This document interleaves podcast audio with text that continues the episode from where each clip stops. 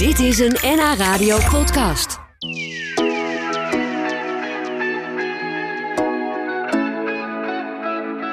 Mijn gasten vandaag zijn Lodewijk Klein en Henno de Jong. Ze werken als gidsen bij Rondje Wijk aan Zee en weten alles van de geschiedenis van het dorp, vooral van de Tweede Wereldoorlog. De Duitsers legden toen de Atlantiekwal aan, een lint van bunkers langs de Noordzeekust. En in de badplaats Wijk aan Zee zijn er toen zo'n 80 gebouwd. Een klein deel daarvan is nog te bezichtigen. En dat, uh, dat doen jullie dus onder andere, Lodewijk en Henno. Fijn dat jullie vandaag even hier zijn. Um, zijn al die bunkers eigenlijk boven de grond? Of zit er nog heel veel onder het zand? De meeste zitten onder het zand. Die hebben ze bewust onder het zand gestopt. Er is wel een poging gedaan om ze op te ruimen na de oorlog. Maar dat uh, vergde zoveel energie en uh, explosieven en tijd en geld. Dat ze ervoor hebben gekozen om ze te begraven, zand erover. Letterlijk, ja, inderdaad. En, en komen jullie er vaak? Want jullie zijn natuurlijk gidsen, maar is het een, uh, een plek waar jullie graag en vaak komen? Nou ja, we zijn in ieder geval als gidsen regelmatig daar. Um, maar persoonlijk denk ik wel van pas als je er een rondleiding hebt, is het leuk om er te zijn. En anders zou ik er niet per se heen gaan of zo. Nee, maar er kleeft wel veel geschiedenis natuurlijk aan ja. vast. Um, aangelegd door de Duitsers in de oorlog. Waarom wilden ze juist daar zoveel bunkers bouwen?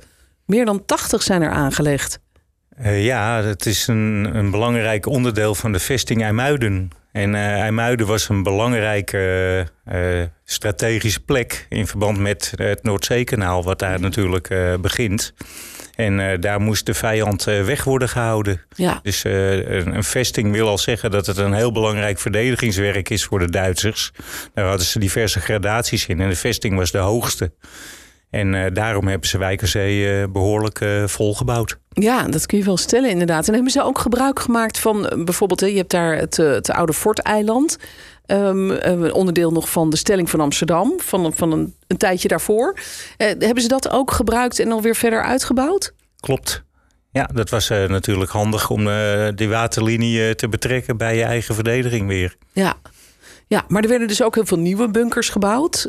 Minstens 80 in Wijk aan Zee alleen al. Daar moet dus heel snel gebouwd zijn, denk ik dan. Hoe, hoe ging dat in de praktijk? Uh, in de praktijk was dat het, een, een drama voor de bevolking in ieder geval. Want die moesten allemaal weg. Die moesten in 1942 vertrekken uit Wijk aan Zee. En in twee jaar tijd hebben ze al die bunkers gebouwd... met behulp van dwangarbeiders... En ook wel mensen die vrijwillig kwamen helpen. En anderen weer onder dwang. De, de, lokale bevolking, de, de um, aannemers bijvoorbeeld. Die moesten, ja. die moesten helpen. Ja, ja. ja, het was dat. Of je werd natuurlijk naar Duitsland afgevoerd. Of afgevoerd met een zeer onzeker einde natuurlijk. Ja, maar in ja. Wijkenzee vooral Georgische dwangarbeiders. Ja, maar, maar, maar de mensen die daar woonden, de wijkers, die moesten gewoon allemaal weg. Ja, de wijkenzeeërs moesten weg. Uh, op een enkeling na die van nut was voor de Duitsers. Hè. Een bakker, een slager, een timmerman. Mensen die van nut waren mochten blijven. Maar dat waren er bar weinig. Jeetje, en wat, gebeurde er dan met die mensen? Waar gingen ze heen? Um, die werden naar Beverwijk uh, gestuurd. Of uh, ze moesten zelf maar een heenkomen zoeken. Uh, maar de meeste kwamen in Beverwijk terecht. Wat je ook bijvoorbeeld had, is heliomare. Dat was er in die tijd ook al. En uh, dat is, uh, dat, daar liggen allemaal patiënten. En die werden als eerste eigenlijk afgevoerd, heliomare. Alle patiënten naar Beverwijk. Met bed en al? Met bed en al. Dus dat ging, alles wat uh, kon uh, rijden werd in, ingezet om die patiënten af te voeren. En uh, Heliomare, daar kwamen die duizend Georgische dwangarbeiders in. Oh, die gingen daar wonen tijdens de aanleg van die bunkers. Juist. Ja, ja. Wat een ongelofelijke impact heeft dat gehad. Dat hele dorp, dorp werd dus leeggehaald. En, en toen kwamen ze na de oorlog terug. En toen stond het hele dorp vol met bunkers. Hoe, hoe moet dat zijn geweest? Ja, hoe moet dat zijn geweest? Dat, uh, dat proberen wij nu als Rondje Wijkerzee te achterhalen. Ja.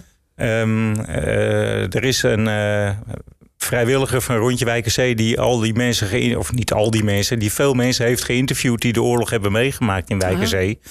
En uh, daardoor hebben we een uh, x aantal verhalen, een stuk of 20, 25 verhalen van mensen die de oorlog hebben meegemaakt in Wijkerzee. Ja, en wat, die getuigen. Ja, precies. Die, die nog kunnen, zelf uit eigen herinnering kunnen vertellen hoe dat was. En wat is dan bijvoorbeeld zo'n verhaal, Lodewijk, wat jij vertelt als je een rondleiding geeft? Nou, dus de verhalen die we leuk vinden om te vertellen zijn ook wel een beetje, nou ja, schalkse eh, bezettingsverhalen, zal ik maar zeggen. Dus juist van de mensen die moesten blijven. dus de, eh, nou, jij kan altijd met smaak vertellen over uh, de kapper die de opdracht had om Duitsers die geknipt willen worden voor te laten gaan. Maar die daar een beetje ongehoorzaam in was. Dat, is, dat zijn leuke verhalen om te vertellen. En die dan op het matje wordt geroepen om, om te zeggen: maar nee, we hebben wel afgesproken dat je, dat, dat je Duitsers voor moet laten gaan. Ehm, ja, dat zijn leuke verhalen. Um, ja. En aan de andere kant is het ook, weet je wel, verhalen van toch wel treun is van als je terugkomt en je mag eigenlijk, het is, je bent bevrijd en je mag terug naar je dorp ja, je woning is uitgewoond en je, je, hebt, je kan eigenlijk weer helemaal opnieuw beginnen. Ja. Dat is geen leuk verhaal. Nee, je dorp is eigenlijk verwoest. Je dorp is je dorp niet meer. Kan ik me zo voorstellen. Ehm, we gaan er zo nog even over verder praten. Dan horen we wat uh, de impact is geweest van al die bunkers die daar gebouwd werden. En ook wat dat eigenlijk voor bunkers waren die daar dan gebouwd werden. Um, jullie hebben zelf ook een, een, begrijp ik, een paar bunkers adopteert. Mag ik het zo zeggen? Ja hoor. Ja. Eh, waar kwam, kwam, kwam die wens vandaan om een bunker te adopteren? Uh, we willen de geschiedenis tastbaar maken. En uh, wat er ook gebeurt is dat we veel schoolklassen hebben die we uh, in de bunkers rondleiden. En dan kan je de verhalen klein maken en tastbaar maken. Ja. En, en kinderen vertellen dat vrijheid een prijs heeft. Ja. Een eh, belangrijke boodschap, uiteraard, om te vertellen. Ook in deze tijd nog, helaas. Ik praat zo nog even verder met Lodewijk Klein en Henno de Jong over de bunkers bij Wijk aan Zee. En zij geven rondleidingen. En is er een website trouwens waar mensen zich kunnen aanmelden voor, voor dit soort uh, rondleidingen? Ja, de makkelijkste. Uh, de website is rondjewijkenzee.nl. Oh. En de makkelijkste manier van aanmelden is gewoon mailen naar info.rondjewijkenzee.nl. Wat voor bunkers bouwden ze eigenlijk? Was, was dat vooral voor opslag of voor manschappen? Of waar moet ik aan denken? Ja, uh, allebei ook. Uh, de, de, de, parel voor Wijk aan Zee, of de parel, als, ja, het is een beetje gek in dit uh, verband. Maar in ieder geval een bijzondere bunker in Wijk aan Zee is de radarbunker. En daar zijn er maar drie van in Nederland gebouwd. Oh. En ehm, allemaal aan het begin van een waterweg eigenlijk. En die uh, radarbunker in Wijkenzee die had als functie het uh, uitkijken over de zee op zoek naar vliegtuigen en boten. Ah, ja. Om die op tijd te traceren. Die kon kijken tot in uh, nou, Birmingham aan toe, bij wijze van spreken. Jeetje. En op het moment dat, er dan, dat de radar iets oppikte op zee of in de lucht, dan, en dat, dat was dus al in Engeland zelf, dan ging er een seintje naar de commandobunker van jongens, er wordt een aantal vliegtuigen geformeerd uh, op die en die plek. En dan konden ze in het commandocentrum in Wijkenzee uh, doorzijnen naar dat vliegveld Bergen, waar we het al eerder over hadden. Um, en dan konden ze vliegtuigen laten opstijgen en uh, de boel onderscheppen. Of ze stuurden een seintje naar uh, IJmuiden, naar de haven toe. En daar konden ze torpedobootjagers uh, op pad sturen om het over zee ja, ja. aan te gaan, de strijd. Ja, dus dit was voor de Duitsers echt een heel belangrijke plek. Wijk aan Zee was sowieso samen met IJmuiden dus een heel belangrijke plek. En gezien dus het aantal bunkers, dat zie je eigenlijk daarin terug ook. Nou hebben jullie als vereniging ook nog een paar bunkers geadopteerd of in beheer. hoe, hoe is dat zo gekomen? En zijn dat bunkers die al helemaal boven de grond waren? Of hebben jullie die ook nog zelf moeten uitgraven? Nee, die hebben we zelf uh, uitgegraven. Of Echt? zelf, ja, ik niet hoor. Jij, Lodewijk? Nee, ik heb het uh, van horen zeggen. Dus, maar ze zijn wel door mensen van een vereniging uitgegraven. De laatste denk ik in 2016. 16, ja. ja. ja. En dat is de, de Kuverbunker. Dit is wel een hele mooie om, om mensen in rond te leiden omdat hij toen hij opengegraven werd, kwamen er ook bijvoorbeeld wandschilderingen uh, zichtbaar. Dus, en daar zie je namen van mensen die er gelegerd zijn. Of wapenspreuken, dingen ter inspiratie, maar ook ter, nou ja, ter vermaak. Ja, cartoons en dat soort dingen. Dus dat is heel bijzonder om te zien. Ja, dat kan me voorstellen. En zitten er nu eigenlijk nog allemaal vleermuizen ook in die bunkers? Nou, in die, uh, toevallig dat je dat zegt, uh, dit seizoen is ons seizoen iets later begonnen dan we hadden gewild, omdat de loopgraaf van die kuverbunker vol zat met uh, vleermuizen. En dan oh moet je ze met rust laten. Ja, dus zo is het ook inderdaad. Ja, dan moet je wijken voor de natuur. Juist. Ja. En, en wat, wat doet die vereniging eigenlijk verder? Want uh, dat hè, rondje Wijk aan Zee, jullie gaan dus bij die bunkers langs. Jullie onderhouden ook een paar van die bunkers. Uh, maar wat is verder de, de gedachte achter dat rondje Wijk aan Zee? Nou ja, Rondje Wijk en Zee is dik tien jaar geleden opgericht vanuit het perspectief dat Wijk en Zee over meer gaat dan alleen naar het strand. Uh, dus hebben we een wandeling uh, uitgezet om de geschiedenis van het dorp uh, in beeld te brengen. En die bunkers zijn daar een onderdeel van.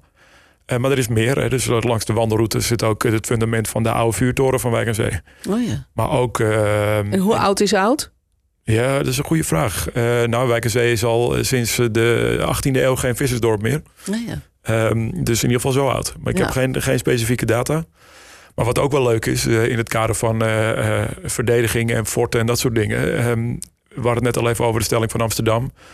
Maar 100 jaar daarvoor was Napoleon hier in, in de buurt. En bij een van die bunkers die we nu onderhouden, de Kuverbunker, 20 meter daar verderop, ligt een, ja, een lunet heet dat. Dat is een, eigenlijk een verdedigingswerk van 200 jaar ouder in de tijd van zeg 1798 of zo. En het feit dat dat zo dicht bij elkaar is te zien, dat vinden Ja. wij leuk om, om te laten zien. Ja, interessant Dat inderdaad. is fascinerend, ja. Ja, en is er ook veel belangstelling voor? Voor, voor dit soort wandelingen en, en rondleidingen langs de bunkers en langs die oudere eh, vestingwerken? Ja, die, die bunkers die kunnen echt op veel eh, aandacht rekenen. En, en begrijpelijk genoeg. Hè. Dus ik denk dat we twee maanden geleden was het Nationale Bunkerdag. Of ander, zes Oh ja. weken geleden. Ja, ja, ja. Toen konden we bijna eh, 700 mensen eh, als gast begroeten. Vorig jaar waren dat er duizend. Hè, dus die bunkers die, die, die vinden mensen interessant. Eh, wij zijn de elke zondag van de, de, de eerste zondag van de maand zijn we open.